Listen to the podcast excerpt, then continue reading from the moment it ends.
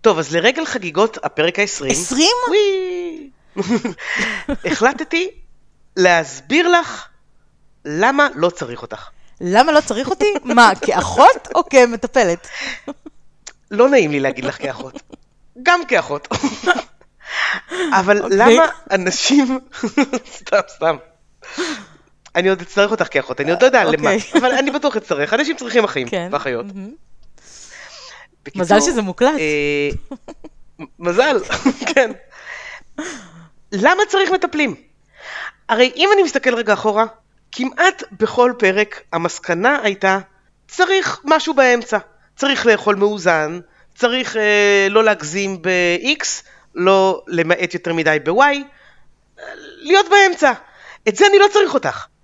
אני יודע שצריך אה, לאכול ירקות, לא להגזים, ויהיה בסדר. למה אני צריך אותך? זאת שאלה טובה. אני חושבת שיש לי הרבה מה להגיד על זה, אז אולי נעשה את זה אחרי האות? יאללה. לצאת מהמקרר, סיגל סיירס ואהרון אדלר מדברים בריאות. אני יודע שלא צריך לאכול חטיפים, אני יודע שלא צריך לאכול אוכל תעשייתי, למה אני צריך ללכת למטפל? לא צריך. אני אשאל אותך שאלה כזאת. זה שאתה יודע את כל הדברים האלה, זה גורם לך גם להצליח לעשות את זה? לא, אבל זה שאני הולך למטפל גורם לי להצליח לעשות את זה? בוודאי. למה? זה, זה כמו ללכת למסגרת של uh, דיאטה, רק כדי שישקלו אותי כל שבוע ויגידו לי, תאכל בריא. אבל, אבל זה, זה שטות, אני לא אומר, בסדר, זה, זה, זה עובד לחלק מהאנשים. אבל, אבל הדרך הנכונה היא לדעת מה לעשות ולעשות את זה. למה אני צריך שמישהו יחפור לי על זה כל שבוע? קודם כל, אנשים שונים, יש דברים שונים שמניעים אותם. הרי אם אנחנו חוזרים רגע למקורות של כל הבעיות שלנו בחיים, הרי אם אנשים היו יודעים, או יכולים, לא יודעים, אוקיי? אנשים יודעים, אבל אם אנשים היו יכולים לעשות לבד כל מיני דברים, אז הרבה מבעלי המקצוע שקיימים היום לא היו קיימים. הרי אם כל אחד היה יכול ללמוד תכנות לבד, אז לא היה צריך מתכנתים. למשל אותך. אם uh, כל אחד היה יודע לבשל, או לפחות מורים. אם כל אחד. היה יודע לבשל, נכון. אוקיי? או אולי לבשל ברמה גבוהה, אז לא היה צריך uh, שפים ולא היו הולכים למסעדות. לא נכון, כי אנשים לא מבשלים כדי לחסוך, גם כדי לחסוך את הזמן ולאכול במסעדה, או כי זה כיף וכי זה יוצא יותר טעים, אבל את לא נותנת את השירות הזה. את לא נותנת לי אה, אוכל יותר טעים, או, או, או קיצור בזמן, לא. את רק נותנת לי יותר עבודה לעשות. וגם, את נותנת, את נותנת יותר עבודה למעני, אני יכול לעשות את זה גם בלעדייך. זאת השאלה, האם אתה יכול לעשות את זה בלעדיי? אני אתן לך דוגמה. בוא נלך לנושא שמעסיק הכי הרבה אנשים היום, נושא של דיאטה. אוקיי? המשאלה ה number 1 של אנשים אוקיי. היום ברחבי העולם, מסכים. זה לרדת במשקל. לגמרי. נכון? זה הדבר שכמעט כל האנשים בעולם רוצים. לא משנה כמה, כמה הם באמת שוקלים. הם יכולים להיות גם ממש רזים, אבל זאת המשאלה של כל אחד כמעט בעולם הזה, לרדת במשקל. אנשים לא יכולים, אנשים לא יכולים לעשות את זה לבד? יכולים. יש נוסחה מאוד פשוטה לירידה במשקל, נכון? תכניס פחות קלוריות ממה שאתה מוציא. נכון. זאת הנוסחה, אין פה סודות. אין פה סודות, אוקיי? אבל רוב האנשים בעולם, או אולי לא רוב האנשים בעולם, אבל אחוז מאוד גבוה של אנשים בעולם, הם אנשים שסובלים מעודף משקל. למה?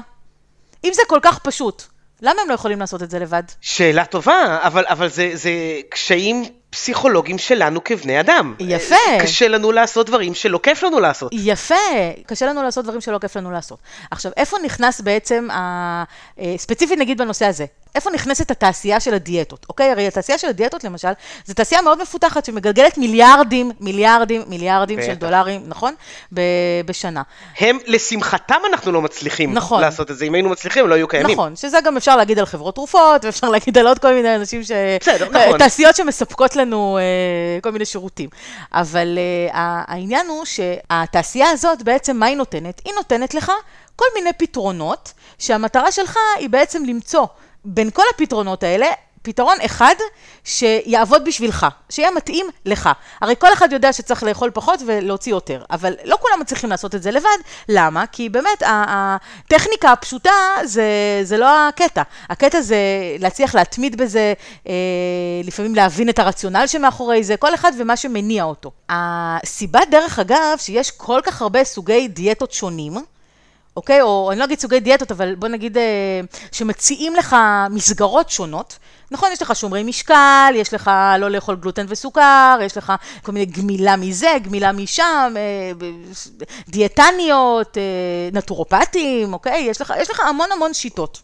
אוקיי? ולכל אחד שיטה אחרת מדברת. יש, יש אה, אה, שיטה מסוימת, לא משנה, אני לא אזכיר את שמה כרגע, אבל יש שיטה מסוימת, שבמקרה יצא לי לראות לפני כמה ימים, שאם אתה מסתכל בעמוד פייסבוק שלהם, אתה רואה מיליון תמונות של אנשים לפני ואחרי. אני יודעת שכולם עכשיו ישאלו אותי, מה זה, מה זה השיטה הזאת, מה זה השיטה הזאת, אבל באמת, אה, אה, מיליון תמונות של אנשים לפני ואחרי. שמראים לך ירידה של עשרות קילוגרמים, ואתה מסתכל על זה ואתה אומר, וואו, איך זה יכול להיות שכל כך הרבה אנשים מצליחים בשיטה הזאת, מה, מה שונה שם? עכשיו, אני כן יכולה להגיד לך שזאת שיטה שאני דווקא כן בעדה, כי זאת שיטה שהיא מדברת על עקרונות נכונים של, של תזונה נכונה, ושל באמת אה, אה, לא לאכול את הג'אנק פוד שאנחנו לא צריכים, וכן לאכול דברים שהם יותר בריאים, אבל... באמת הרבה אנשים מצליחים, מה שלא רואים שם זה את האנשים שלא מצליחים, כי זה הם לא מפרסמים. נכון? מן הסתם יש בשיטה הזאת גם אנשים שלא מצליחים. נכון. האנשים שלא מצליחים בשיטה הזאת, יכול אבל להיות שהם מצליחים בשיטה אחרת. זאת אומרת, אולי זה אנשים שצריכים ליווי אישי יותר, שצריכים מישהו שיבוא ויחזיק להם את היד ויסביר להם ממש למה לא טוב לאכול את זה, למה לא טוב לאכול את ההוא. יכול להיות שאנשים צריכים שישקלו אותם כל שבוע, כי הם צריכים לראות איזושהי התקדמות. כל בן אדם בעולם הזה, יש את הדבר שגורם לו להנאה, הנאה בעין, אוקיי? שגורם לו למוטיבציה. אנחנו שונים אחד מהשני. לכן, כל השיטות עובדות, אוקיי? בסופו של דבר, כל השיטות עובדות וכל השיטות לא עובדות. זה תלוי למי. לא סתם השיטות האלה מצליחות ומגלגלות הרבה כסף. זה לא רק הנושא של ההבטחות, זה גם הנושא של ההבטחות, אין ספק שמוכרים לך הבטחות, אבל בגלל שיש אה, כל כך הרבה עדויות של אנשים שעשו את הדברים האלה והצליח להם, אז אנשים רוצים להיות כמו זה. ולכן אנשים מנסים. ולפעמים גם הם נכשלים, אז הם מנסים שיטה אחרת. הפואנטה היא שאנשים כל הזמן מחפשים מה יכול לעזור להם לא לעבור את התהליך הזה לבד. עכשיו, זה נכון לגבי דיאטות, זה נכון לגבי גם תהליכים אחרים. למה אתה צריך רופא? רק כדי שהוא ירשום לך תרופה? או, אז אני אגיד לך למה. כי רופאים זה דבר שאני יודע שמוכח, זה דבר שהשקיעו המון המון זמן ב- בלפרסם את התרופות שפותרות דברים. אני יודע שאם אני חולה, אגב, אגב, את שואלת שאלה מאוד מעניינת למה אני צריך רופא, אבל אני אבוא ואני אגיד לך ככה, אני לא הולך לרופא ביוזמתי, אני הולך לרופא כשאני חולה. אוקיי? את כנטורופטית לא רוצה שאני אבוא אלייך כשאני חולה. את כנטורופטית רוצה שאני אבוא אלייך כשאני בריא. אז אני צריך להאמין בך ולהאמין ב- ב- בעולם הזה של הנטורופטים, או בכלל מטפלים, כ- כמשהו שיעזור לי עוד לפני שיש לי בעיה. רגע, רגע, רגע, רגע? רגע, רגע. וזה שונה. לא, זה לא נכון. אני לא אומרת לאנשים, תבואו אליי כשאתם בריאים. מי שבריא, בריא, סבבה. אני לא צריכה מטופלים שהם בריאים, אין לי מה לעשות איתם. לא, רגע, אבל לא, אבל זה לא הוגן. אבל זה לא הוגן, כי אם יש לי כבר בעיה, את אומרת, רגע, יש לך בעיה, אבל בוא נראה רגע מה עשית לפני, בוא נראה רגע איך היית יכול להתנהג אחרת כדי שלא תהיה לך את המחלה. ואז, מה, מה זה אומר? שאם הייתי בא אלייך לפני, הייתי יכול למנוע את המחלה, נכון? רגע, רגע. בוא, אני רוצה לחלק את התשובה שלי לשני חלקים. קודם כל, מי שבא למטפל, ברור שזה בן אדם שיש לו איזושהי בעיה. אף אחד לא צריך שיבוא אליו אנשים בריאים, כי אין מה לעשות איתם. זאת אומרת, בן אדם שמגיע אליי בריא, אז הוא לא מתלונן על כלום. מה, מה, מה אני יכולה לעשות איתו? אבל מה, אבל מה זה בריא? איך אני יודע שאני שאתה בריא? לא סובל, כל, כל הפואנטה שאתה לא- היא שיכול להיות שמתחבא לי משהו שאני לא יודע עליו. בסדר, זה נכון, אבל בריא הכוונה שאין לך תלונה של משהו שמציק לך באופן קבוע, באופן כרוני, גם אם הוא מציק לך מאוד וגם אם כבר התרגלת לחיות עם זה. בסדר? כי אנחנו כבר יודעים שאנשים היום גם מתרגלים לחיות עם כל מיני בעיות ש... נכון. שאפשר לטפל בהם, והם פשוט התרגלו לחיות איתם, אז הם לא מטפלים. אני לא מדברת על אנשים כאלה, אלה אנשים עם בעיות שצריך לטפל. מי זה בן אדם בריא? זה בן אדם שחי את החיים שלו בכיף, אין לו בעיות, אין לו, זאת אומרת, אין לו בעיות, הכוונה אה, פיזיות, או לא משנה, רגשיות, מה, יש בעיות מכל הסוגים, אבל אין איזה משהו שמציק לו, שבסדר, אין אנשים כאלה כמעט, לכל אחד מציק משהו. אבל שבאמת אין משהו אקוטי שדורש איזשהו טיפול. אני, התפקיד שלי כנטורופטית, הוא לא מסתכם רק בלטפל באנשים שיש להם איזושהי מחלה או איזושהי בעיה. דרך אגב, זאת הסיבה שאנחנו מקליטים את הפודקאסט הזה. כמו שאני רואה את התפקיד שלי בעולם הבריאות, זה לבוא ולהביא לאנשים ידע. כדי שהם לא יגיעו אליי בסופו של דבר. עכשיו, ברור לי שאנשים יגיעו אליי בסוף, כי תמיד אנשים בסוף חולים במשהו, לא את כל דבר אפשר למנוע מראש. אבל המטרה שלי זה בעצם לגרום לאנשים להבין איך הם יכולים לשפר את איכות החיים שלהם ואת הבריאות שלהם בצורה שהיא טבעית, בצורה שהיא אה, אה, נכונה. ושהם לא יצטרכו להגיע אחר כך לרופאים, נכון. למשל, לתר... לקחת את התרופות ולקחת את כל הטיפולים האלה. אז, אז אני רואה את התפקיד שלי פה בשני מישורים. אם אני מצליחה למנוע מאנשים להגיע למצב של מחלה, אז עשיתי את המצווה שלי בעולם הזה. אם בכל זאת אנשים כן הגיעו למצב הזה, או שהם לא הצליחו לעשות את מה שאני מציעה, אז אני מטפלת בהם. ודרך אגב, באמת בהרבה מהמקרים, הטיפול הוא להביא אותם לעשות את ההמלצות שאני ממליצה לאנשים לעשות כדי להימנע מלהגיע למצב הזה. בדיוק, ובגלל זה אני אומר ש... בדמיון שלי הוויכוח הזה היה מתנהל בצורה שאת כן מנסה לשכנע אותי לעשות את ה... את ה להגיע לנטורופטים לפני.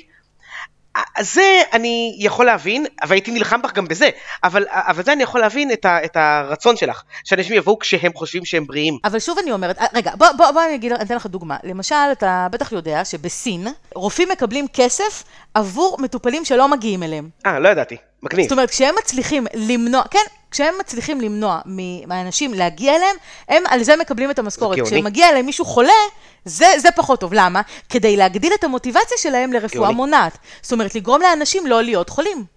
אתה מבין? פה פשוט השיטה מקולקלת. פה אנשים מרוויחים מזה שאנשים נכון. אחרים חולים. נכון. נכון? רופאים מקבלים כסף מאנשים חולים, מחברות תרופות, לא משנה, מכל הזה. אה, אנחנו, כל מי שמתעסק בטיפול וברפואה ובבריאות, מקבל כסף כשאנשים הם חולים. אבל זה לא שאנחנו רוצים שזה יהיה, זה פשוט המצב. אין מה לעשות, אנשים פשוט חולים בגלל אורח החיים שלנו. נכון. מה שאני אומרת זה, כשבן אדם מסוים נותן שירות, מכל סוג, לא חשוב, אפילו, לא יודע, תיקון מחשבים. חלק ממה שהוא עושה, חלק ממה שהוא יכול לעשות, זה באמת לפרסם את הידע שלו, כדי למנוע מאנשים להגיע למצב שבו הם יצטרכו את השירות שלו. אבל מצד שני, כשאנשים כן צריכים את השירות, כי זה קורה, בסוף משהו קורה ו- ו- וכן צריך את השירות, אז לפחות הם יודעים שאותו בן אדם יש לו את הידע המתאים בשביל לעזור להם. זה אחד הדברים ש, שאני חושבת מאוד, מאוד חשובים, בלהפיץ בעצם את הידע ולהראות לאנשים מה הדרך הנכונה. כדי שאם קורה משהו ומשהו מתפקשש, אז אנשים ידעו איפה לחפש את הפתרון. אני מסכים, גם כשיש, אם אני אקח את האנלוגיה שלך של מחשבים או משהו, גם כשיש תקלה במחשב, אתה קודם מביא את הבן אדם שמסדר את המחשב, ואז אומר לך מה לעשות כדי שפעם הבאה זה לא יקרה. נכון. אוקיי, קיבלתי, אני, אני, אני מקבל את זה, אבל אני יכול להגיד לך עליי, בצורה הכי כנה רגע, אם אני עכשיו חולה באיזה משהו אקוטי, אני לא אלך למטפל, אני אלך לרופא, כי זה החיים שלי כרגע, זה, זה חשוב, זה, זה מחלה שמפריעה לי, אחרת לא הייתי מתעסק איתה בכלל. אם זה משהו קטן כזה בקטנה, אוקיי, זה משהו אחד. אבל, אבל לא, אני מדבר על, על... עכשיו פתאום קיבלתי איזה מחלה, לא יודע, כואב לי הגרון, יש לי חום, לא יודע, איזשהו משהו שהביא אותי לרופא, אני אלך לרופא, אני לא אלך למטפל. אוקיי. אז מתי אני מגיע לאנשים כמוך? אני לא מגיע. כי אם זה לא מפסיק מפריע לי, אז אני לא הולך בכלל. אם זה מספיק מפריע לי, אני הולך לרופא. מתי אני בא אלייך? אז בוא אני אגיד לך משהו. אתה הולך היום לרופא, כי אתה גדלת בגישה הזאת שמי שמטפל במחלות זה רופא. נכון. אם אתה תחזור לשמוע את הפרקים הקודמים שלנו, אז אני מזכירה לך שהיה פרק על תרופות, ועל מה התרופות האלה עושות, ומה קורה כשמגלים שתרופה עושה נכון. לך נזק אחרי הרבה זמן ופתאום מורידים אותה מהמדפים, ואז אתה תבין שלא תמיד תרופה זה הפתרון. זאת אומרת, אתה איכשהו באוטומט שלך, אתה רגיל שרופא ייתן לך תרופה, וזה יהיה הפתרון. אבל אם אתה היום אומר לי כזה דבר, זה אומר שאתה לא הבנת שום דבר מהפודקאסט שלנו. כי זה בעצם אומר שאתה לא הפנמת את העובדה ש... רפואה קונבנציונלית היום, ושוב, אני שמה רגע בצד, מחריגה את הנושא של הסרטן שדיברנו עליו בפרק הקודם, כי זה משהו רדיקלי, זה משהו אחר, אבל... לא, ומחלות קשות בכלל. כן, בסדר, מחלות אוקיי. קשות בכלל, נכון. אני מדברת על, אה, על המחלות השגרתיות שאנחנו נתקלים בהן, שבעצם הרפואה הקונבנציונלית היום יודעת לתת פתרונות בעיקר ברמת הסימפטומים. כלומר, היא יודעת לתת לך איזשהו פתרון שהוא פלסטר. אם יש לך נכון. פריחה בעור, היא תיתן לך איזושהי משחה עם אה, סטרואידים כן, שתעלים לך את המשחה. דיברנו. אם יש לך איזה, לא יודעת, אה, בעיה במערכת העיכול, אז ייתנו לך נוגדי חומצה, או נוגד אביטות, או איזה משהו ש, שיגרום לך, נכון. שיפסיק לך את הכאבים, או שיפסיק לך את הסימפטומים עכשיו. אבל הם לא יטפלו לך בגורם האמיתי לבעיה. והבעיה הזאת תמשיך לצוץ עוד פעם ועוד פעם. למה? כי הם לא אומרים לך מה אתה צריך... פלוס תופעות לוואי מהתרופה שלקחת. נכון, כי הם לא אומרים נכון. לך מה אתה צריך לעשות מה אתה צריך לשנות בחיים שלך כדי שהמצב הזה לא יחזור? להפך, תחזור. תחזור, ייתנו לך עוד פעם את אותה תרופה, ואם התרופה הזאת לא, נכון. לא תעבוד, ייתנו לך תרופה אחרת. השאלה, אם אתה, כבן אדם שמסתכל עכשיו על החיים שלו, על תמונה כללית של החיים שלו, האם אתה רוצה להיות אותו בן אדם שחוזר לרופא עוד פעם ועוד פעם ועוד פעם, והולך מרופא לרופא, ומנסה לפתור את הבעיה הזאת שוב ושוב ושוב ושוב ללא הצלחה, או שאתה רוצה לבוא למטפל מסוג אחר, שיסתכל עליך באופן הוליסטי, הוליסטי זה מהמילה whole באנגלית, זה יסתכל עליך באופן כללי, על כל המערכות שלך בגוף, שזה מה שאני עושה. ו- ו- יסתכל ו- וינסה להבין מאיפה הבעיה הזאת בכלל נובעת, למה היא כל הזמן חוזרת, מה אתה עושה לא טוב בחיים שלך, שדרך אגב, זה לא חייב להיות תמיד איזשהו שינוי תזונתי רדיקלי, 180 מעלות, שאתה צריך לשנות לחלוטין את כל התזונה שלך, לא תמיד זה זה, יכול להיות שזה משהו מאוד מאוד ספציפי שאתה עושה שהוא לא טוב. ואותו בן אדם מסתכל ואומר לך, תקשיב, אם אתה תעשה את השינוי הזה, הכל ישתנה, הכל ייפתר, ואתה תראה שאיכות החיים שלך תשתנה, ואתה לא תצטרך להמשיך לחפש פתרונות כל הזמן, כי זה פשוט ייפתר. עכשיו, הרבה אנשים באמת לא מפנימים את זה עדיין. כי זה דורש קפיצת אמונה מאוד מאוד גדולה. זה לא רק אמונה ואמון, זה גם דורש שינוי באורח החיים שהוא מאוד מאוד קשה לאנשים לעשות. הדבר הכי קשה בעולם לאנשים לעשות, נכון. זה לשנות את אורח החיים שלהם. אני יכולה לספר לך על מטופל שיש לי, שהגיע אליי עם איזושהי בעיה רפואית, כמובן שאני לא, לא אחשוף פרטים אה, כדי למנוע זיהוי, אבל איזשהו מטופל שהגיע אליי עם בעיה רפואית שמאוד מאוד הציקה לו. הוא היה אה, ממש לפני אה, שלב של טיפול מאוד רדיקלי ברפואה הקונבנציונלית, ובמזל הוא הגיע לחוות דעת נוספת אצל רופא אחר, שאמר לו שאם הוא רוצה להימנע מאותו טיפול רדיקלי, עדיף לו שילך לטפל ברפואה טבעית, שיעזור לו לעשות שינוי באורח החיים שלו. ואותו בן אדם באמת הגיע אליי, למזלו ולמזלי, הוא הגיע אליי, ובאמת התחלנו לעבוד על שינוי תזונתי. הבעיה של אותו בן אדם הייתה פשוט התזונה שהוא היה אוכל. זה בן אדם שאכל ג'אנק פוד, זה מה שהוא היה אוכל, ג'אנק פוד. כמעט בכל אה, ארוחה ביום, כמעט בכל אה, דבר שהוא היה מכניס לפה שלו, זה היה איזשהו ממתק, איזשהו אוכל מעובד, איזשהו... אני- אה, מוכר. כאילו מוכר ממש, כאלה, ממש, ה, ממש הפוסטר בוי למה לא צריך לאכול. והשינוי התזונתי היה לו מאוד מאוד מאוד קשה. גם ברמה הפיזית, של להתחיל פתאום לאכול דברים שהוא לא היה אוכל לפני זה, שהוא לא רגיל אליהם, זה גם בן אדם שלא מבשל, אז אה, אתה יודע, מאוד קשה אה, פתאום להתחיל לשנות את כל התזונה, כשאתה צריך להבין מה בכלל לעשות, איזה דברים לקנות בסופר, כאילו, זה, זה לא דברים שהיו לו ב, בכלל בהרגלים. ומצד שני, היה שינוי נפשי מאוד קשה, שעכשיו צריך לוותר על כל הדברים שהוא אוהב לאכול. על כל הג'אנק פוד שהוא היה אוהב לאכול, זה היה שינוי מאוד מאוד קשה, שלקח כמה שבועות בשביל לעבוד עליו ו- ו- ולהתגבר על זה. עכשיו, אם אתה חושב שאותו בן אדם היה יכול לבד לשבת בבית ולעשות סוויץ' במוח ולהגיד, טוב, מהיום אני לא אוכל יותר את כל הדברים שאהבתי לאכול, ואני מתחיל לקנות רק דברים בריאים ולאכול רק אותם, אין דבר כזה. בן אדם לא יכול לעשות שינוי כזה לבד, אלא אם כן באמת זה משהו נדיר. בן אדם הזה צריך ליווי מקצועי של בן אדם שיכול להחזיק לו את היד ברגעים הקשים. לתת לו תשובות לשאלות שעולות אצלו ב- ב- ביומיום ובמהלך התהליך הזה. בן אדם שיכול להסביר לו את הרציונל מאחורי הדברים האלה, ולא לשלוח אותו, לך עכשיו תחפש תשובות באינטרנט ובכל מיני ספרות מקצועית, כי אף בן אדם שצריך לעשות שינוי לא ילך עכשיו להתחיל ללמוד את הנושא הזה מאפס. אוקיי? אז זה חלק מהתפקיד של המטפל, להסביר לו את הרציונל מאחורי זה ולמה זה חשוב. ו- ועוד תפקיד זה להשתמש בכלים שהם רגשיים כדי לעזור לו לעבור את המהפך הזה, את השינוי הזה, בצורה שהיא תחזיק מעמד גם. זאת אומרת, לא שהוא יעשה את השינוי הזה לכמה שבועות ואחרי זה זה יחזור כי הוא לא באמת עשה שינוי מנטלי ורגשי. אוקיי? אוכל זה גם דבר שהוא רגשי. צריך לעבור איזשהו שינוי בשביל לוותר על דברים שאוהבים ולהתרגל לאכול דברים אחרים. זאת אומרת, פה בעצם המטפל נכנס בתור אותו בן אדם שעוזר לו לעבור את התהליך הזה בצורה טובה ואפקטיבית, ומונע ממנו גם ליפול חזרה להרגלים הישנים. אותו בן אדם לא היה אה, מהרגע שהוא התחיל את התהליך ועד שהוא אה, הגיע לשיא שלו, לאן שרצינו להגיע, אה, הדרך לא הייתה קלה וחלקה.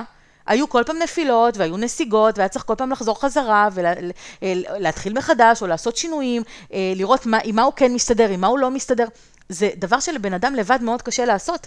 כשבן אדם לבד מנסה לעשות תהליך כזה, הרבה פעמים כשיש נפילה, אז הוא פשוט מוותר. זה נכון, ואז הוא חוזר למצב הגרוע שהוא היה בו לפני זה. זה נכון, האמת ש, שזה מתחבר לי עם זה שלמשל אני התחלתי לאחרונה להגשים איזה חלום של ללמוד גיטרה.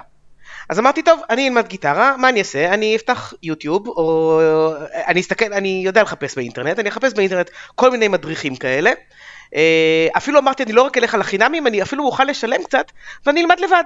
ואתה מקבל כל כך הרבה מידע, שטף של, של, של אה, דרכי לימוד שונות, וזה מלמד רק אקורדים, זה מלמד טאבים, זה מלמד זה, זה את יודעת, אתה לא יודע מאיפה להתחיל, עד שעצרתי את עצמי ואמרתי לו, די, בואו ניקח רגע מורה, נלמד, אה, נלמד כמו, כמו בן אדם, עם מישהו שמלווה, יודע את ההתקדמות שלך, ויודע לאן להוביל אותך. שייתן לך פוקוס.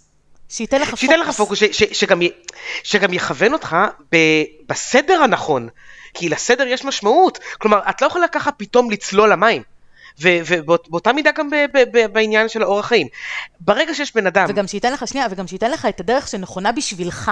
כי אמרת, יש הרבה שיטות לימוד, אבל איך תדע מה מתאים בשבילך? תתחיל להתנסות בכל נכון, אחת מהן לא עד, עד שתמצא? לא, אבל מורה טוב ש, שקולט אותך ו, ומבין מה אתה אומר לו ויודע לאן אתה רוצה להגיע, והוא מכיר את כל השיטות, אז הוא יכול לדעת איזה שיטה עדיף להתחיל איתך, כדי לחסוך בדיוק. לך בעצם את שכר הלימוד, את, את העקומת למידה הזאת, שתגרום לך עכשיו לבזבז הרבה זמן. ושכר הלימוד הוא לא בהכרח הכסף, הוא גם הזמן. נכון, לגמרי. כלומר, הזמן שאתה תשקיע, ובבריאות זה עוד יותר חשוב, ש, שאתה תשקיע עד שתגיע למה שמצליח, זה, זה, זה, זה משמעותי.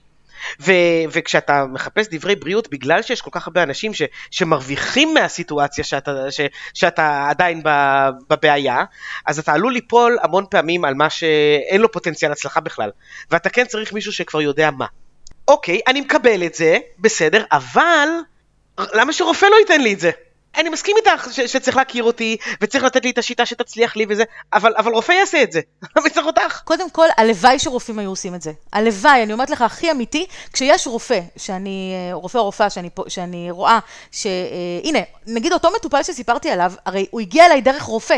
רופא אמר לו, לך למטפל שמתמחה בתזונה, ושהוא ייתן לך לעשות שינוי תזונתי. הוא לא מטפל בזה בעצמו, כי לא, זאת לא ההכשרה שלו. לרופאים אין הכשרה תזונתית. אוקיי? הם לא, מתייחס, הם לא מטפלים בזה. הם יכולים לתת לך עקרונות כלליים, אוקיי? גם רופא משפחה, זה חלק מהתפקיד שלו, לתת לך עקרונות כלליים. אני אתן לך עוד דוגמה. יש לי מטופלת שהגיעה אליי אחרי שרופאת משפחה אמרה לה שיש לה אה, רמת סוכר גבוהה בדם, והיא אמרה לה ככה, אל תאכלי דברים עם סוכר, אל תאכלי קמח לבן, אל תאכלי תפוחי אדמה, אה, אל תאכלי ג'אנק פוד, אל תאכלי, אל תאכלי, אל תאכלי, אל תאכלי. אוקיי? כן, טיפים שקל ליישם. כן, לא, אבל היא גם לא אמרה לה מה כן לאכול, היא אמרה לה לא, מה לא לאכול, מה, מה הדברים שהיא לא צריכה לאכול. ואז אותה בחורה יצאה okay. אוקיי. יצא החוצה, ואמרה, אוקיי, אז מה אני אוכל? כאילו, או יוריד עליי את כל התפריט. נכון.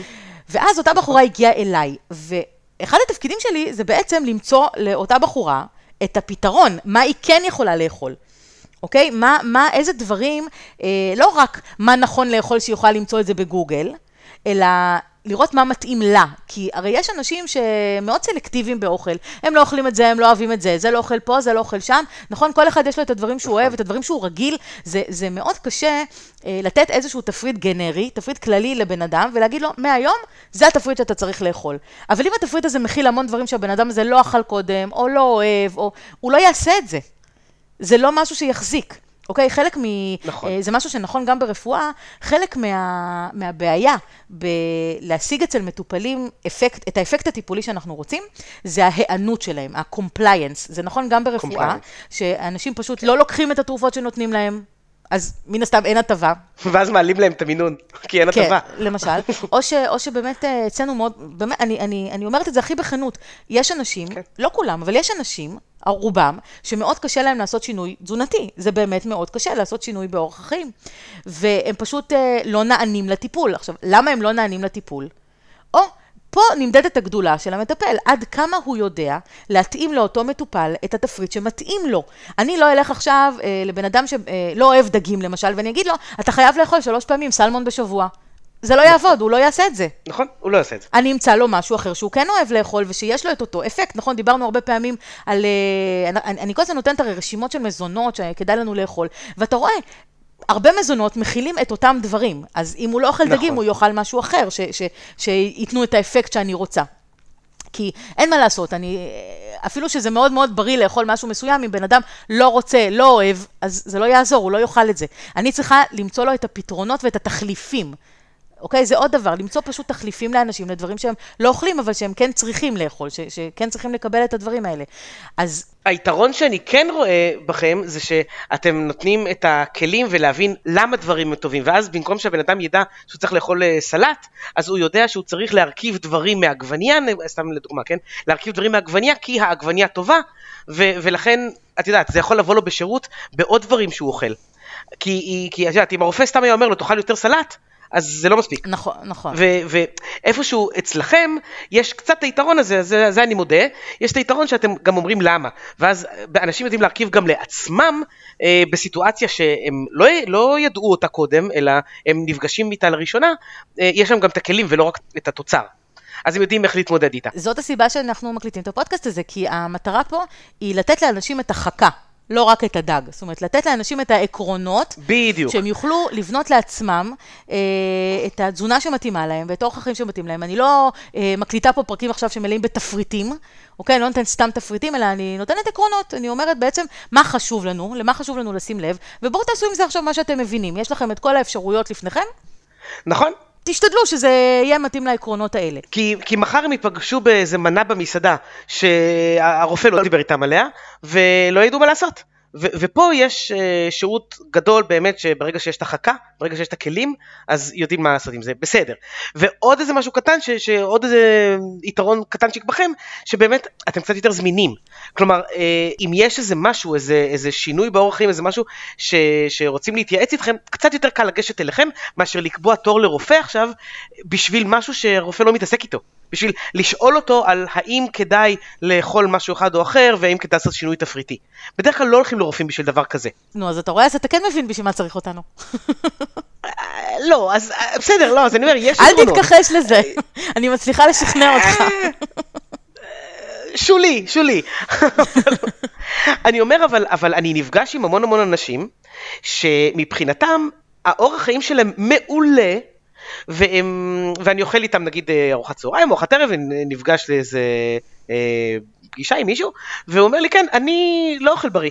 אני, אני, אני אוכל אה, ג'אנק בדרך כלל, אבל אני חי טוב. את מבינה? אז אנשים כאלה אתם לא מגיעים אליהם. גם הרופאים לא מגיעים אליהם, אף אחד לא מגיע אליהם. את יודעת מה? יותר מזה, הפודקאסט לא מגיע אליהם. איך אני איתך? תקשיב. כי אנשים כאלה, הם, הם לא מודעים. הם לא מודעים לזה, למה שהם יבואו לטיפול אצלך? למה שהם יבואו ל... ל... הם לא הולכים לשום מקום. מתי הם מגיעים לטיפולים כשהמצב כבר באמת קשה? בסדר, אבל... ואז, אבל... הם, ואז גם... אבל זה בדיוק הקטע. גם אתם לא תעזרו וגם הרופא לא יעזור. אבל זה בדיוק הקטע. פה, תשמע, פה אני אתן לך תשובה שהיא תשובה קצת שיווקית. אוקיי? אני, אני אתן לך קצת, קצת תשובה מה... שזה, אתה יודע, הרבה פעמים מסתכלים על מטפלים בתור אנשים שהם מאוד בקטע של שליחות, ו, ו, ואז כאילו אומרים להם, אז למה אתם לוקחים כסף על השירות שלכם? אתם אה, סך הכל עושים משהו טוב לא, לאנושות. ו... טוב, ו... זה, אז למה רופאים לוקחים כסף? יפה, עושים שירות אז, טוב. אז זה לא ככה, זה, זה לא רק זה, זה נכון, זה נכון, זאת שליחות, ו- ואנחנו עושים טוב לאנושות, ו- והכל סבבה, אבל מן הסתם זאת הפרנסה שלנו, נכון? זאת העבודה שלנו. בחרנו לעבוד בזה כי אנחנו רוצים לעשות טוב לאנושות, ומן הסתם היינו יכולים להרוויח הרבה יותר כסף בדברים אחרים. אבל, נכון. אבל, אבל כן, אין ספק ש, שזה. אז, אז אני אתן לך את התשובה השיווקית פה. אנחנו כמטפלים ו- ואני בעיקר, כשאני התחלתי להיות מטפלת, אחד הדברים ש- שהייתי צריכה לעשות, זה להחליט מי הקהל שלי, למי אני פונה, מי האנשים ש- שהם בעצם יהיו הלקוחות שלי, או המטופלים שלי. עכשיו, בשיווק, אם אתה יודע, אחד הדברים הכי הכי בסיסיים, זה באמת למצוא מי קהל היעד שלך. והרבה פעמים אנשים, בכלל בעלי עסק וככה נותני שירותים, עושים את הטעות הזאת של להגיד בהתחלה, מה זאת אומרת, אני רוצה להגיע לכולם. אני רוצה לפתוח את השוק שלי כמה שיותר, אני רוצה לתת כמה שיותר שירות, כי אם אני אכוון את עצמי לנישה אחת קטנה, אז לא יהיה לי מספיק. אבל זו טעות, זה לא נכון, כי כמו שאתה אומר, יש אנשים שזה בכלל לא בראש שלהם, כל הנושא הזה של אורח חיים בריא, ו... נכון. וטיפול, וזה זה בכלל לא שם. עכשיו, אני, אין לי שום, שום סיבה ושום טעם לבוא ולנסות לשכנע את האנשים האלה לבוא אליי. או בכלל להקשיב לי, עזוב לבוא אליי, אם, אם לא מרגישים שיש להם בעיה, הם לא צריכים לבוא אליי, אבל אה, בכלל להקשיב למה שיש לי להגיד. אין לי טעם לנסות לשכנע אותם, זה גם לא יצליח. ואני אשקיע המון המון נכון, משאבים, לא אה, נכון. סתם, אוקיי? אני, אני פשוט אבזבז את זה עליהם, ו- ואין אה, שום טעם בזה. למי כן אני פונה? אני פונה לאנשים שנושא של אורח חיים בריא מעניין אותם, שהחשיבות של הנושא הזה ברורה להם, או אנשים שכבר סובלים, אפילו אם הם לא מודעים לנושא הזה של אורח חיים בריא, אבל הם כבר סובלים מאיזושהי בעיה, ואו שהם היו כבר אצל רופא והבינו שהם לא מצאו שם את הפתרון, ואז אומרים, אוקיי, בואו ננסה את זה, כי יכול להיות שזה יצליח, או שהם עוד לפני הרופא ולא רוצים להגיע למצב של אה, תרופות וטיפולים ככה קצת יותר אה, אגרסיביים, ואומרים בוא ננסה משהו טבעי, אולי זה כבר יעזור לי מספיק כדי שאני לא אצטרך להגיע לרופא. אוקיי? זה הקהל שלי. אלה האנשים שאני, שאני יכולה לעזור להם. זה חכם, אני חייב להודות, כי, כי מי שלא רוצה עזרה, זה קושי אדיר לנסות לשכנע אותו לקבל עזרה. נכון, ואני אתן לך דוגמה דווקא מ, כן, מתעשיית התרופות. כשאני עבדתי בחברת תרופות לפני כמה שנים, אז uh, כשעבדו איתנו על איך אנחנו מדברים עם רופאים, אז אמרו לנו כזה דבר, את, ה, את הרופאים הם סיווגו לפי uh, רופאים שכבר רושמים את התרופה, רופאים שרושמים את התרופה uh, בכמות של בין X ל-Y, רופאים שרושמים את התרופה יותר, אתה יודע, עשו איזושהי חלוקה של uh, עד כמה הרופא משתף פעולה ורושם את התרופה שלנו, ואמרו לנו כזה דבר, הרופאים שרושמים את התרופה הכי הרבה, הם כבר, uh, מה שנקרא, לא צריך לעבוד עליהם הרבה, כי הם מאוד מאמינים בתרופה, הם שגרירים טובים של התרופה הזאת, הם סבבה. מהצד השני, הרופאים שלא רושמים בכלל את התרופה הזאת, גם עליהם אין מה לעבוד הרבה. כי מאוד מאוד קשה לשנות את התפיסה ואת הדעה של רופא בין לא לרשום בכלל, לפתאום להתחיל לרשום כמות מספיקה שתתאים ליעדים של אותה חברה. על מי כדאי לעבוד? על הרופאים שרושמים איזושהי כמות בין לבין, זאת אומרת, כן רושמים את התרופה, אבל לא הרבה, ושם נעשית העבודה האמיתית. זאת אומרת, שם מאוד, הרבה יותר קל לשכנע רופא, במקום לרשום פעם אחת בחודש את התרופה, לרשום פעמיים בחודש את התרופה, או שלוש פעמים בחודש את התרופה, להעלות את זה בהדרגה, אוקיי? מה אני מנסה לומר פה? שאנשים שהם בכלל, בכלל לא בקטע הזה של אה, תזונה נכונה ואורח חיים בריא, אמרתי, אין לי, אין לי מה, אני, אני לא מנסה להמיר פה אף אחד, אני לא מנסה לשנות פה אה, את דעתו של אף אחד. אם אתה אוהב לאכול ג'אנק פוד, ואם אתה, זה לא מעניין אותך בכלל לנסות לאכול אוכל בריא, סבבה. תמשיך בשלך, אני מקווה בשבילך שלא תצטרך להגיע לא אליי ולא לרופא, ושהחיים שלך יעברו בנעימים עם הג'אנק פוד שלך. אנשים שהם גם ככה מאוד מאוד פריקים של בריאות, והם כבר יודעים הכל, והם קוראים הכל, והם אה, אה, אה, באמת יודעים לחלוטין את כל מה שצריך בנושא הזה של בריאות, סבבה להם. אולי הם יכולים ללמד אותי אפילו משהו. כאילו, הכל טוב, שיחיו את החיים שלהם, יעשו את מה שהם חוש...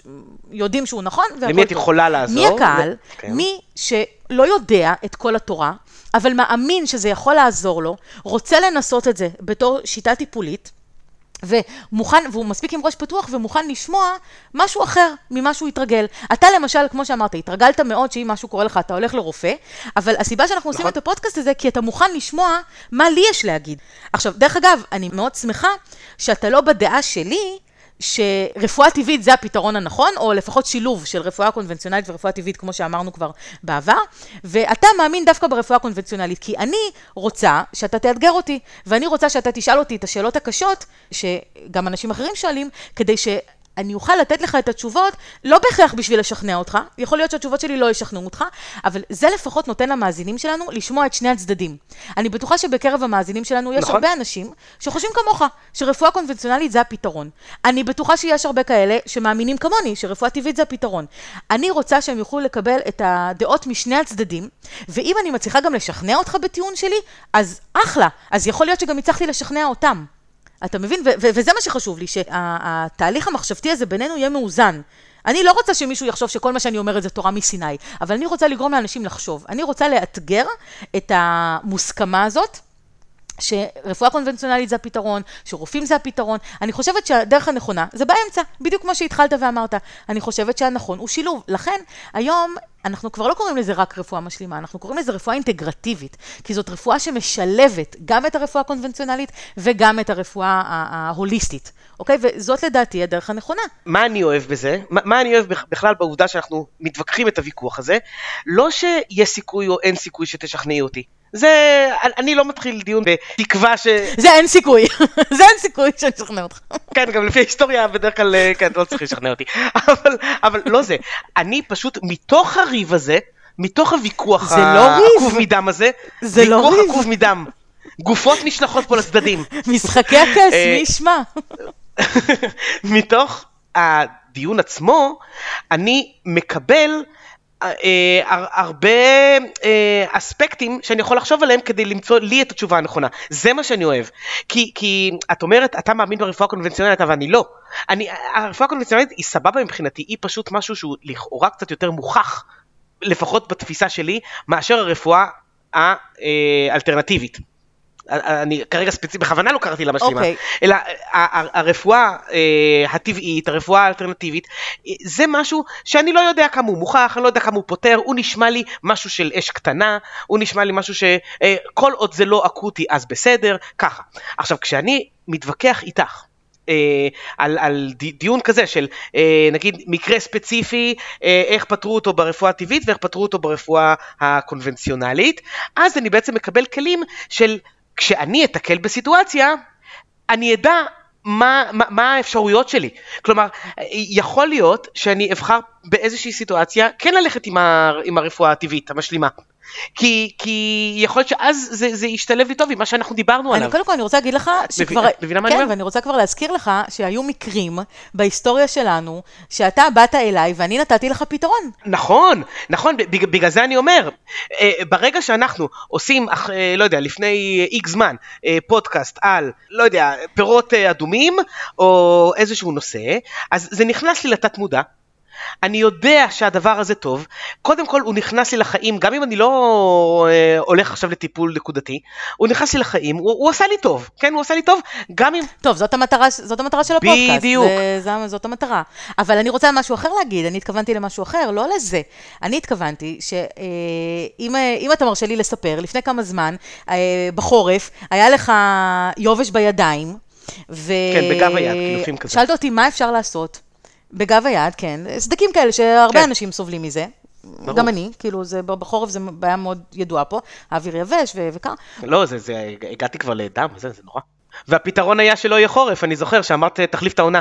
כן, כן, הפתרון היה שלא יהיה חורף, זה אחד זה אחד הדברים שאני עושה, אני משפיעה על עונות השנה, זה נכון.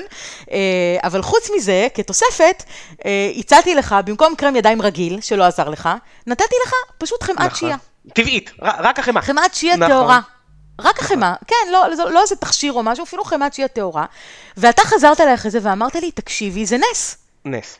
והתחלת נס, להשתמש כן, בזה נכון. ב- ב- ברמות מודה. מטורפות, כאילו, שכבר הייתי צריכה לקחת ממך תשלום על זה. מודה. ואני חייב להגיד לך שנכנסתי לזה אה, ספקני, כי אמרתי, לא סתם יש את כל הקרמים עם המאות רכיבים, כנראה שהם אה, מוכחים כעובדים, ולכן צריך אותם, אבל לא, תכלס לא. לא צריך את כל קר- הקרמי ידיים האלה, כאילו שיש בהם איזה שילוב קטנצ'יק של הרכיב החשוב, וכל השאר זה זבל עופות. אה, נכון, ודרך אגב, מה שיש במוצרים האלה, זה, זה גורם לך רק להתמכר אליהם יותר, כי הם עושים לך שיפור מאוד מאוד קטן, נכון. שלא מחזיק מעמד להרבה ככה. זמן, ואז אתה צריך להמשיך להשתמש בזה עוד פעם ועוד פעם ועוד פעם, כי אתה חושב שזה עוזר לך, אבל זה לא באמת, ודרך אגב, זה מאוד נכון לשפתונים תעשייתיים, כל ה... תקשיבי, השפתון שלך טוב. זה... אתה יודע, כל אלה שמבוססים על, שמבוססים על תעשיית הנפט, שמן מינרלי, כל, אני לא רוצה להגיד את השם, כי אה, זה שם שאומנם הפך כבר לשם גנרי, אבל הוא עדיין שם של מותג, אז אני לא אגיד את זה. אבל כל השפתונים לשיקום שפתיים סדוקות, ש, שכולנו מכירים, שזה פשוט עושה נזק, כי אתה מורח את זה, זה עושה לך תחושה כאילו שומנית, אבל זה לא באמת מרפא את השפתיים, ואתה צריך כל הזמן למרוח עוד ועוד ועוד, כדי להרגיש כאילו זה עושה משהו. לעומת, שפתון טבעי, שדרך אגב, אני, אני, אני מכינה ובעלי התמכר לזה בערך מהיום שהכרנו. אני יודע, לא, לא היה לי נעים אה, להגיד שבחך בפנייך. אה, היה לך, ברור. נתתי לך אותו, זה, נתתי זה, לך אותו. זה, זה, זה, זה פשוט שפתון. הפואנטה היא שזה דברים טבעיים, שזה דברים טבעיים, שדרך אגב, בין- כל אחד יכול נכון. להכין את זה לבד. אה, כאילו, אין שום בעיה, יש מלא מתכונים באינטרנט, זה לא בקטע של בואו תקנו את זה, לא. יש מלא מתכונים ביוטיוב, לכו תלמדו לבד איך עושים את זה, יש מתכונים אה, בעברית, באנגלית, לא משנה, הידע הזה נמצא שם, נמצא שם, הוא חינמי, אפשר ללכת ולהכין לבד, משמנים צמחיים, מכל מיני דברים, את כל החומרים האלה, לגמרי. ולהשתמש בהם לבד. ו- וזה דברים הרבה יותר טובים. אז, אז מה שאני אומרת זה שהרבה פעמים למטפלים ולאנשי המקצוע שבתחום הזה, יש ידע שלך אין אותו. נכון. או לאדם הרגיל אין אותו, והוא לא יודע אפילו שאין אותו, הוא, הוא, לא, הוא לא מודע למה שהוא לא יודע. והרבה פעמים כשהוא מציג איזושהי בעיה, אז אנחנו כבר מתוך הניסיון יכולים להגיד, הנה, יש פה כמה אפשרויות של דברים שיכולים לעזור. דרך אגב, לא בהכרח כל דבר שנציע מההתחלה יעזור. יכול מאוד להיות, בדיוק כמו ברפואה, יכול להיות שאתה עובר כמה תרופות עד שאתה מוצא את התרופה שבאמת עוזרת לך, אבל אותו דבר אצלנו, אנחנו הרבה פעמים צריכים לעשות איזשהו ניסוי וטעייה, תהליך כזה, שכדי להבין מה באמת יעזור לאותו בן אדם. זה יכול להיות או חומרים שונים, או מזונות שונים, או תהליכים רגשיים שונים שיכולים לעזור, נכון? יכול להיות בן אדם אחד שיעזור לו NLP, יכול להיות בן אדם אחר שיעזור לו דמיון מודרך, אה, בן אדם אחר שיעזרו לו פרחי באך, לא משנה, יש כל מיני, יש ארגז עם הרבה כלים, והרעיון הוא להתאים לבן אדם את השיטה שמתאימה לו. עכשיו, בן אדם לבד לא יכול לעשות את זה, כי הוא לא יודע ללכת לחפש אה, בגוגל מה עוזר עכשיו ל... לבעיה שהוא לא יודע שיש לו. כן, אבל, אבל בסופו של דבר, הפואנטה היא לפנות לאנשים שמחפשים איזשהו פתרון, שלא הצליחו למצוא את הפתרון הזה בדרכים אחרות, שרוצים לתת צ'אנס למשהו שנשמע להם טוב, ואני יכולה להגיד לך שאחוז המטופלים שמגיעים אליי לפעמים מחוסר ברירה, כי פשוט באמת, הם לא הצליחו לפתור את הבעיה שלהם בדרכים אחרות, ומגיעים אליי ספקנים, או מגיעים אליי כי מישהו אמר להם לבוא, והם אה, מקבלים, מוצאים את הפתרון לבעיה שלהם, זה, נכון. זה, זה, זה האוצר הכי גדול. והם מופתעים, הם מופתעים לפעמים נכון. מכמה מהר השינוי שהם עושים בתזונה שלהם ובאורח החיים שלהם, כמה מהר זה באמת משפיע על הבעיה שלהם. אנשים לא יודעים לפעמים כמה קל, קל לא ברמת הפרקטיקה שלה לעשות את זה, אלא כמה, כמה הפתרון העקרוני הוא קל. לעשות שינוי תזונתי ברמה מחשבתית זה קל. כאילו, במקום לאכול ג'אנק פוד, אני אתחיל לאכול אוכל טבעי. נכון. אוקיי? זה... לא, העיקרון, העיקרון ברור. ברור. כן. הביצוע. הביצוע זה, זה מה שקשה. אני אתן לך סתם דוגמה אפילו. אנשים לפעמים אה, לא עושים דיאטה, סוחבים על עצמם עודף משקל מאוד גדול במשך המון המון שנים, כי הם חושבים שלהתחיל עכשיו דיאטה וואי, להוריד עכשיו 50 קילו, זה ייקח לי עכשיו כל כך הרבה זמן עד שאני אצליח לעשות נכון, את זה. אני, זה המעצור הראשון. אני לא מצליח לראות אפילו את הסוף של זה. אני לא מצליח לראות בכלל, אז, אז בטח שאני לא אצליח לעשות אפילו את הצעד הראשון. אנשים לא יודעים שלפעמים להוריד את ה... אה, אה, אה, כמה קילוגרמים הראשונים, אפילו לא הראשונים, אפילו עשרה קילו, זה יכול להיות משהו שקורה בשבועות. בשבועות. נכון. ברגע שאתה מפסיק לאכול ג'אנק, ובאמת באמת מתמסר לתפריט נכון, וזה לא תפריט שהוא דל. אני לא מדברת על בוא תאכל עכשיו אה, אה, לחם צר ומים לחץ, כן? אני לא מדברת על זה. אני אומרת, תפריט נכון, שמורכב מפירות וירקות, שמורכב מסיבים תזונתיים, שמורכב באמת מכל הדברים שאנחנו מדברים עליהם שוב ושוב ושוב, אתה לא יודע כמה קל, ואני אומרת את זה מניסיון, אוקיי? כמה קל וכמה מהר אתה רואה את השינוי, הקילוגרמים פשוט נושרים, אוקיי? אז אני אומרת, לפעמים אנשים... ואז זה ממלא אותך מוטיבציה נכון, להמשיך עם זה, כן, לא, זה, נכון. זה, זה טוב. אז אנשים לא נכון? לא יודעים לפעמים כמה אה, באמת קל יהיה התהליך, הם פוחדים להתחיל אותו. הם פוחדים אה, הרבה פעמים לוותר על דברים שהם חושבים שהם יצטרכו לוותר עליהם, ולפעמים הם באמת יצטרכו לוותר עליהם, אבל התמורה לזה, התמורה להשקעה הזאת היא כל כך גדולה, שלפעמים אתה כן צריך את אותו בן אדם שיבוא וישכנע אותך שכדאי לך לעשות את התהליך הזה. כי לא תמיד אתה תצליח לגייס לעצמך את המוטיבציה להמשיך ולהתמיד בזה, בעיקר אם זה קשה לך בהתחלה. ואת זה אני רואה שוב ושוב על מטופלים, שקשה להם בהתחלה, קשה להם לעשות את השינוי, אבל ברגע שהם עושים אותו, וברגע שהם רואים את התוצאות הראשוניות, זה מתפוצץ, זה וואו. זה מה שנותן להם את הכוח להמשיך הלאה. אוקיי. יאללה, תאתגר אותי בעוד משהו. אוקיי, נ, נגיד שהצורך ברור, בסדר, אפשר, אה, כדאי ללכת למטפלים, אבל איך אני יודע שמטפל שאני הולך אליו הוא לא איזה קשקוש? כאילו, את יודעת, אני, נגיד שאני מאמין בנטורופטים, מוכן ללכת אליהם, מוכן לתת להם צ'אנס, אבל את יודעת, כאילו, העולם שלנו מוצף בשרלטנים. נכון, למרבה הצער זה נכון.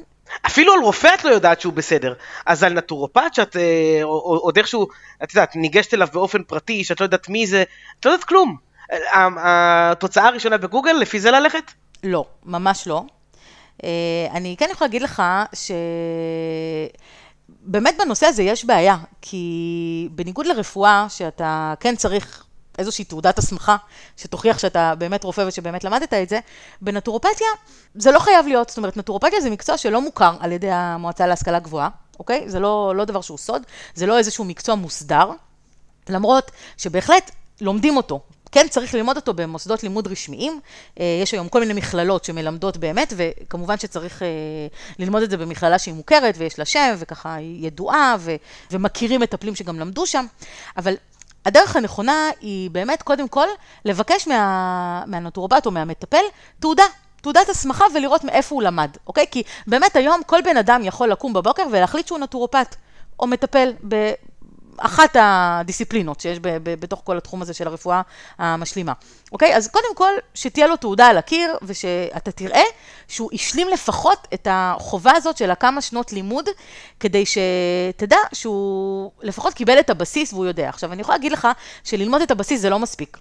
אוקיי? בתור, אה, בתור מטפלת, אני יכולה להגיד לך שכשאני סיימתי את הלימודים, אז אה, טוב, לי, לי במקרה יש את היתרון שאני גם, אה, יש לי את הביולוגיה. מהביולוגיה. כן, יש לי את הרקע הזה, נכון. וככה, יש לי באמת הרבה רקע אקדמי בנושא הזה, אבל זו הסיבה היחידה שאני אגב מוכן לשמוע את הדברים שאת אומרת, כי לי. אחרים, לא, באמת אני אומר לך עכשיו לא רק בגלל ש...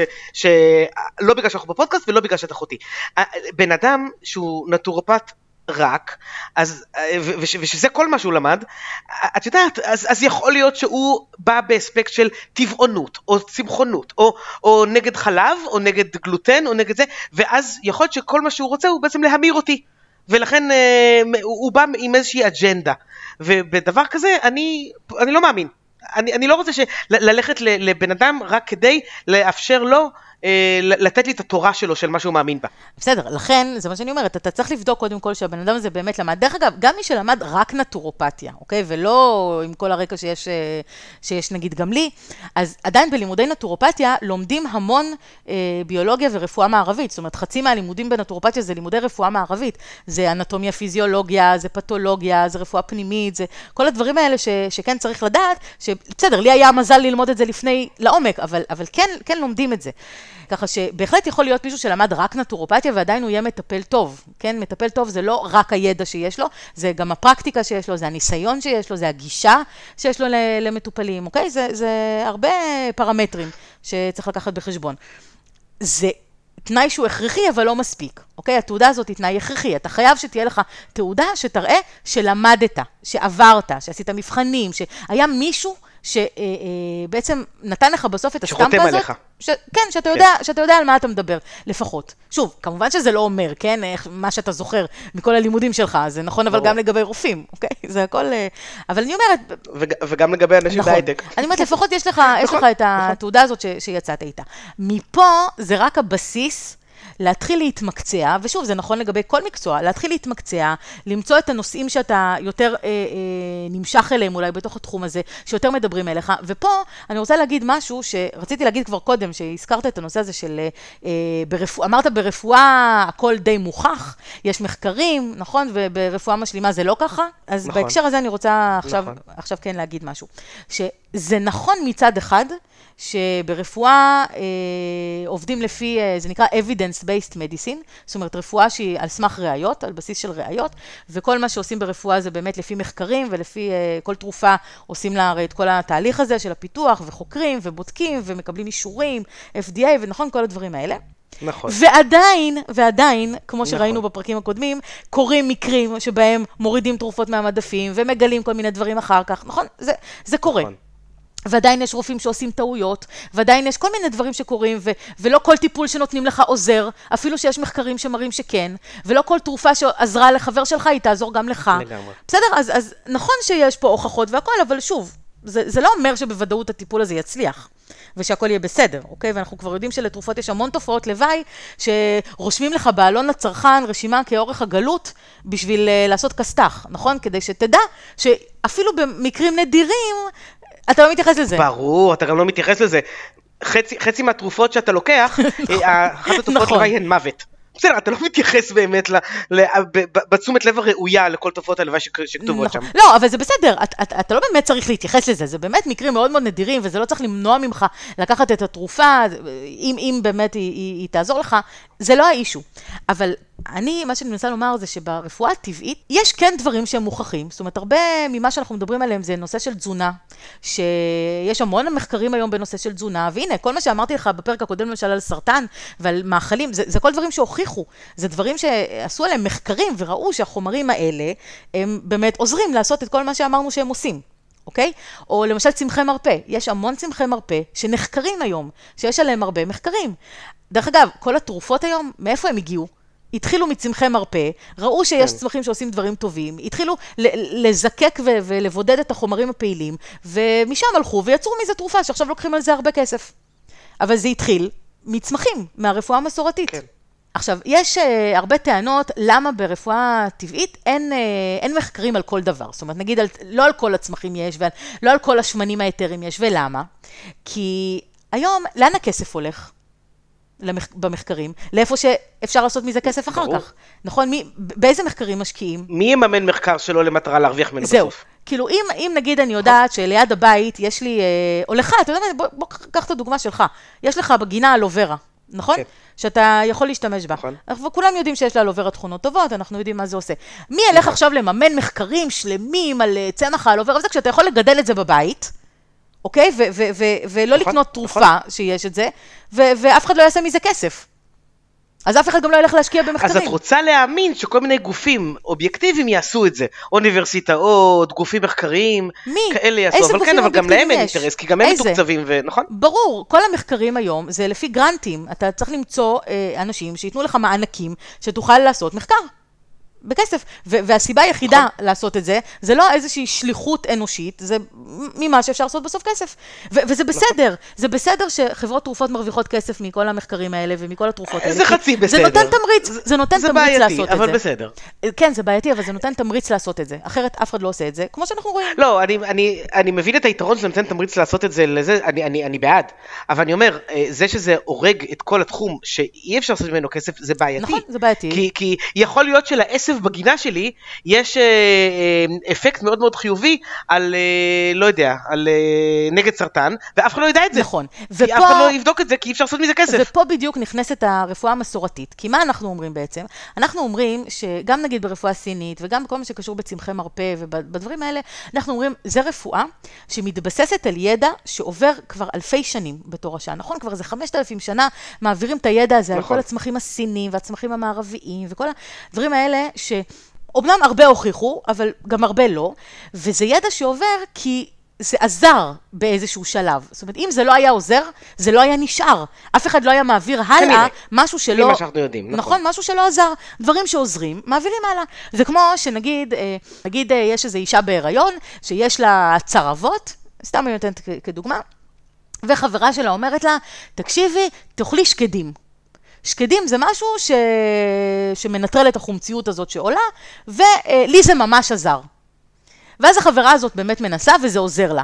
אז היא תמשיך להמליץ על זה הלאה, נכון? אה, נכון, אבל צריך מאוד מאוד להיזהר במה שאת אומרת, כי, כי באותה מידה, את יודעת, אז יש את התרופות סבתא ואת ה... לשים אה, מגבת עם חומץ על הרגליים כשיש חום, יש, יש המון דברים שחלחלו, ולא בהכרח הם טובים. ב- ב- לא, רגע, מזיקים. רגע, אז אני אומרת, אני אומרת ככה, זה כמו האבולוציה, זה כמו האבולוציה.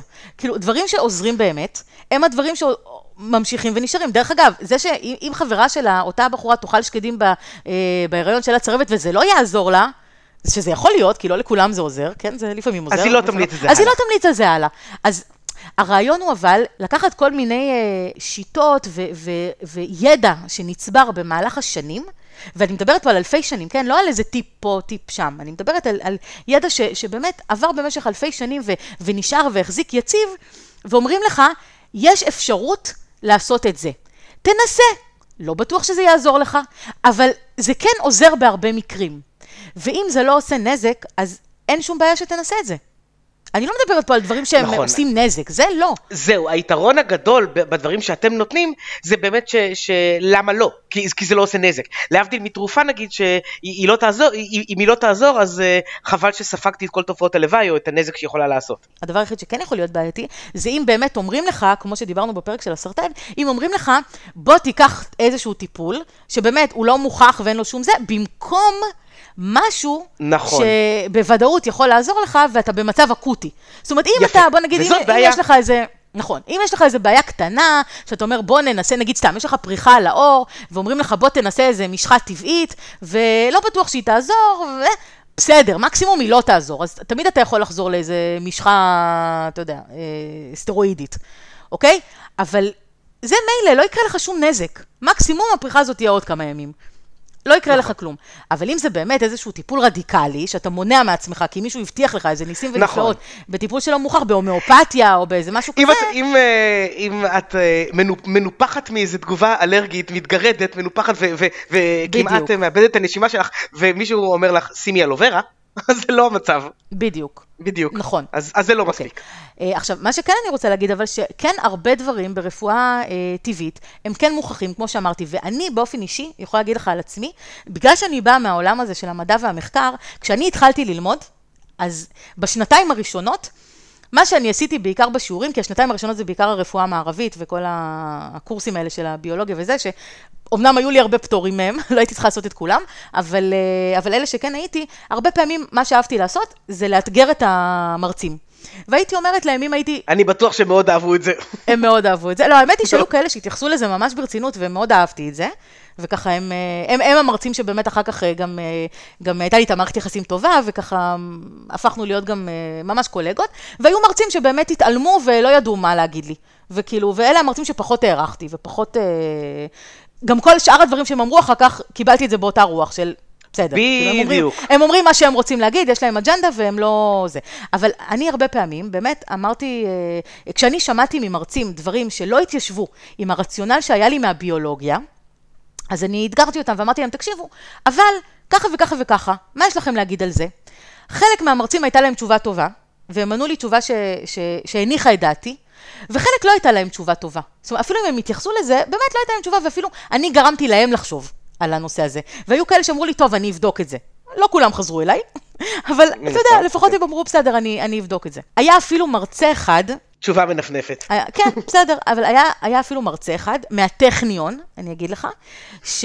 שהוא מרצה לחלוטין, אה, אתה יודע, מהתחום המערבי, מה שנקרא, כאילו מהמחקר. קונבנציונלי. ש... כן, קונבנציונלי, שאמר אמר איזשהו משהו. וזה, וזה באמת לא, לא התיישב לי עם משהו שאני ידעתי, ושאלתי אותו על זה, ובאמת בהפסקה הוא התחיל ככה אה, לצייר על הלוח, ולנסות להבין מה לענות לי, ו, ו, ומה באמת אני אומרת, ואיך זה מתיישב, ובסוף הוא אמר, את יודעת מה, את צודקת. זה, זה באמת לא, זה לא מתיישב עם, אה, עם הטיעון הזה שהוא אמר, והוא אמר לי, תקשיבי, אני אבדוק את זה. עכשיו, בסדר, הוא לא, הוא לא חזר אליי אחר כך עם זה, ואני מניחה שהוא שכח, אבל לפחות באותו רגע אמרתי לעצמי, הנה, לא כל דבר צריך לקבל כתורה מסיני. לא משנה מי אומר את זה, זה יכול להיות הדוקטור הכי אה, גדול בעולם.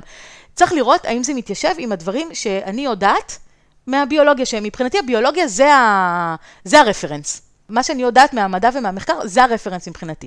עכשיו, יש הרבה דברים באמת, מה שמוכח, אחלה. לא, אבל, רגע, אבל, אבל זה כלי שאת יכולה להשתמש בו. האיש הפשוט, כמוני, אה, ו- ואני מניח כמו חלק מהמאזינים, שניגש ל- לנטורופט או לאיזשהו מטפל, אה, היכול, הכלים שלו הם יותר קטנים מאשר שלך, כדי לבחון אם הדברים שהוא אומר מתיישבים עם- מה שאני כבר מכיר. כי אם אני כבר מכיר, אני לא צריך אותו. אם אני לא מכיר, אז אני רוצה אותו. עכשיו, אם אני רוצה אותו, איך אני בודק אותו?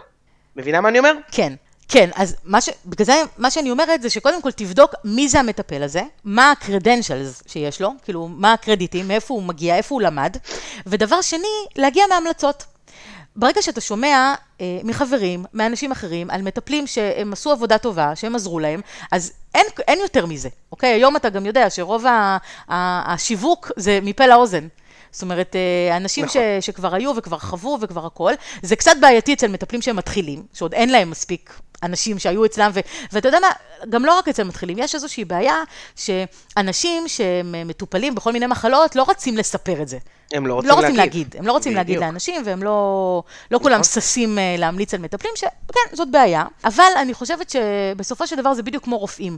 אתה יודע מי זה הרופאים הטובים, אתה יכול לבקש המלצות, אתה שומע, היום בעידן הפייסבוק, אתה, אני, אני למשל, בתור אישה, יכולה להגיד לך שבהמון קבוצות של אימהות ו, ושל נשים, מלא בנות כותבות, קיבלתי, אה, קבעתי תור לרופא כן. זה וזה, אה, אשמח לשמוע המלצות או דיס המלצות, אוקיי? ואז אפילו בפרטי.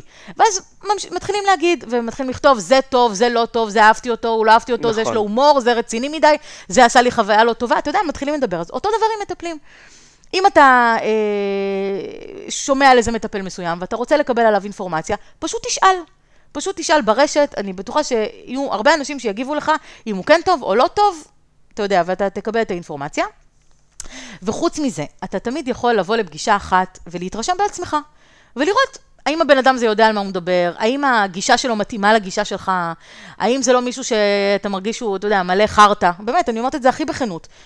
פשוט נכון. תבחן את הבן אדם ותתרשם ממנו בעצמך. ועוד משהו, האמת שלזה אין תחליף. זה פשוט אה, בדיקה, כל- כלומר, זה, זה, בגלל שזה עולה כסף, ולא, את יודעת, פגישה כזאת חינם. בסדר, אז השקעת זה- 300 זה- שקל. כאילו, אוקיי. נכון, אבל, אבל לא, אבל זהו, אבל זה, זה מה שאני בא להגיד. שאם זה כן טוב, אז אתה משיג מזה המון. זה, זה, עם זה אני מסכים. ואם לא, מקסימום הפסדת את, את, את, את הסכום של הפגישה הראשונה הזאת, אז בסדר. אני, אני מקבל, אבל, אבל איפשהו זה כמו, את יודעת, זה, זה כמו שהרבה אנשים מהמרים על... אה, את יודעת, את, את כל הזמן מסתכנת בדברים שאת לא יודעת אם הם יצליחו או לא. פשוט הבנפיט, הרווח שיכול לעלות לך אם זה, אם זה כן יצליח, כנראה שווה את זה. נכון, נכון. עכשיו, יותר מזה אני אגיד לך, אנשים היום מוכנים לשים הרבה יותר כסף על ללכת לרופא פרטי, נכון. נכון? זה עולה איזה אלף שקל לפגישה, זה הרבה יותר ממה שאצל נטורופט. אבל, אבל זה מקרה פרטי ממש, תרתי משמע, של רופא פרטי. אה, ה- הרוב ילכו לרופא קופה שלא עולה כסף יחסית, כן? זה כמה, 25 לא, שקלים? אני יכולה זה- להגיד זה- לך זה- שיש הרבה מקרים שאנשים הולכים, ברגע שהם לא מצליחים למצוא פתרון אצל רופאי הקופה, הם הולכים לרופאים פרטיים ומוציאים המון המון כסף ועדיין לא מקבלים כן. תשובות. נכון, שוב, אבל רק כשזה דברים אקוטיים כבר. ולא, והם אפילו מוכנים, אני יכולה להגיד לך עליי אפילו דוגמה, שאני לפני כמה שנים, אה, רציתי להתייעץ לגבי איזשהו אה, אה, תהליך, והלכתי לרופא פרטי מאוד מאוד מאוד ידוע בתחום, ומאוד מוכר, מאוד מפורסם, וישבתי אצלו, ומעבר לזה שהוא היה שחצן ברמות אחרות, ואחת כן. התשובות שהוא נתן לי הייתה, אה, שאלתי אותו על איזה משהו למה, כי אתה יודע, בגלל, בגלל הביולוגיה אני מאוד אוהבת לדעת מה מדברים אליי ולמה הדברים קורים. כאילו, לא, לא לתת לי סתם, סתם תשובות כאלה מנפנפות, אלא גם להבין את הרציונל מאחורי זה. ולא כל הרופאים אוהבים להסביר את זה, והוא פשוט אמר לי, את לא צריכה לדעת למה, מספיק שאני יודע. תקשיב, יואו, איזה תשובה נוראית. א', באותו רגע היה לי ברור שאין לי מה לחפש אצלו יותר. את מבינה אבל שזה סת- סתם בעיה שיווקית בהצגת המצב. יכול להיות שהוא רופא מדהים. וברגע שהוא אמר את המשפט הזה, הוא חרץ את דינו אה, בפנייך. רופא מדהים, ובכלל מטפל מדהים, אמרתי לך כבר, זה לא רק הידע שלו, כן. זה הגישה שלו, נכון. זה סופר חשוב. נכון. אסור להקל בזה ראש. זה עד כמה המטופל מרגיש בנוח איתו, נכון. ומקבל את מה שהוא רוצה. יש אנשים שבאמת באים למטפל או לרופא ולא רוצים לדעת, אומרים, עזבו אותי, רק תן לי את, את הטיפול, תגיד לי מה אני צריך לעשות, לא מעניין אותי כל המסביב. ויש אנשים, כמוני למשל, שרוצים לדעת מעבר. אני רוצה לדעת למה אתה נותן לי את התרופה הזאת, למה את הטיפול הזה, מה אתה חושב שיש לי, מה זה, לא יודעת, אולי אני חושבת משהו אחר. בסדר, אתה הרופא, הכל, כן. הכל טוב, אני מבינה את ה... זה, אבל אני רוצה לה, להבין מה עושים לי. וזה לא שרופאים אין להם טעויות. לא, מה, מה אהבתי אצלך? שאצלך זה כל כך אישי, שאם אנשים פונים אלייך אפילו, את יודעת, ב, ב, מעבר ל, לייעוץ והזה, באיזה שאלה פתאום שעלתה להם, אז את יודעת, זה לא כמו רופא שאוקיי, עכשיו בוא תקבע תור לעוד שלושה חודשים ותקווה שהשאלה תהיה עוד אקטואלית, מה שכנראה לא יקרה. את יודעת, שלחו לך בוואטסאפ, ענית, וכאילו, זה משהו שאין ברגיל, נכון? נכון? אני עונה, אני מסבירה, אני... טוב, טוב, אתה מכיר אותי כבר, אני רק, רק תיתנו לי לדבר. כן. כאילו, רק תשאלו אותי שאלות. תנו לי לדבר. הבנו את אני זה. מוכנה, אני... כן, כאילו, אני... הפודקאסט בשבילי זה הפלטפורמה הכי טובה בעולם. רק תנו לי לדבר, שאף אחד לא יעצור אותי. אבל זה, הנה, זה דרך אגב עוד דוגמה. כשאתה רוצה לבחור מטפל, אז אתה גם מחפש איפה עוד אתה מוצא אותו. האם אתה רואה סרטים שלו ביוטיוב? האם יש לו פודקאסט? האם יש לו אה, אתר פייסבוק שהוא אה, מספר ונותן אה, אינפורמציה וידע בחינם? כאילו לא, אתה יודע, לא הכל זה כסף. אם אם באמת זה מטפל טוב, כמו שאמרתי בהתחלה, שהמטרה היא להפיץ גם את הידע הזה בעולם, ושאנשים יוכלו לעשות עם זה גם דברים טובים לבד, באמת, לא כל דבר צריך לבוא לפגישות. אז לראות ולהתרשם מהידע של אותו מטפל בעוד ערוצים. אז נכון, זה שיווקי מבחינתו, והוא רוצה להפיץ ושאנשים יכירו אותו ושיראו שהוא יודע אה, אה, על מה הוא מדבר ומה מה יש לו לתת, אבל בסדר, ככה זה בכל התחומים היום. ואתה, כקהל אה, או, או כמטופל פוטנציאלי, יכול להפ, להפיק מזה המון. זה כמו, אתה יודע, כל השפים האלה שעושים תוכניות בישול, או סרטונים ביוטיוב, ומראים לך איך להכין כל מיני מנות, אפילו מהמסעדות שלהם, נכון, נגיד סתם, לשגב, יש הרבה סרטונים ביוטיוב, שאתה יכול לראות איך הוא מכין כל מיני מנות מהמסעדות שלו. ואתה יכול לשאול, למה הוא מגלה? לא, זה מדהים בעיניי שהוא עושה את אז זה. לא דווקא. תלך למסעדה. אני למשל הכנתי פעם, יש לו, אה, היה לו איזשהו מרק שמאוד מאוד אהבתי באחת המסעדות שלו, ואני הכנתי את, ה, את המרק הזה בבית, לפי הסרטון שהוא הראה. יצא בול, כאילו יצא ממש מושלם, בדיוק כמו במסעדה, ובאמת מאז לא כל כך הזמנתי את המרק הזה במסעדה, כי אמרתי, בסדר, אני יודעת להכין אותו אבל לבד. הוא לא הפסיד מזה, תהיי בטוחה. אבל, הוא הרוויח אותך דווקא. לא, רגע, אבל מה קרה? שנייה, אבל מה קרה אחרי תקופה מסוימת? אחרי תקופה ראיתי שמאז שהבנתי שאני יכולה להכין אותו לבד, למרות שזה הרבה עבודה, אז אני גם לא מכינה אותו לבד, גם לא נהנית ממנו במסעדה, ואז חזרתי להזמין את זה במסעדה, כי אמרתי, טוב, אני אומנם יודעת, אבל אני לא באמת עושה את זה. אז אני כן נהנה מזה שהוא יכול לתת לי את זה. אז אני אומרת, גם אם אנשים נותנים את הידע שלהם בחינם וגם זה, זה בסדר, תהנו מזה, תבינו מזה גם מי המטפל שעומד מולכם, וככה תעשו את הבחירה הכי נכונה, ותראו מה מתאים לכם, ומה הגישה שמתאימה לכם. זהו, העיקר שתעשו את הבחירה הנכונה. די, חפרת. טוב, אז כרגיל עשינו את הדבר שאנחנו הכי אוהבים ורבנו ב... לחגיגות ה-20. אז uh, זה היה ה-20 פרקים הראשונים, מעניין מה נעשה ב-20 פרקים הבאים. לא יודעת אם רבנו זה המילה, אבל uh, אני יודעת שאנחנו יכולים להגיע למקומות הרבה יותר חשוכים. אבל אה, אם, אתה, אם אתה כבר מתכנן את 20 הפרקים הבאים, אז אני יכולה להניח שאיפשהו באיזשהו מקום שכנעתי אותך קצת שכן כדאי ללכת למטפלים? באיזשהו מקום נסתר, נסתר, נסתר, אני מוכן לתת לזה צ'אנס. ותכחיש שאמרת את זה. ואני אכחיש שאמרתי את זה. זה... ונוריד את זה בעריכה. רק בינינו, כן. סבבה, אז מה אתה מכין לי לפרק הבא? אה, ריב חדש. אה, מעולה. אני בפנים. סבבה, אז uh, נתראה. נתראה בפרק 21. יאללה ביי. ביי. אין באמור בפרק משום ייעוץ או המלצה רפואית כלשהם, והמידע אינו בא להחליף בדיקה וייעוץ אישי על ידי רופא, מטפל מוסמך או טיפול תרופתי.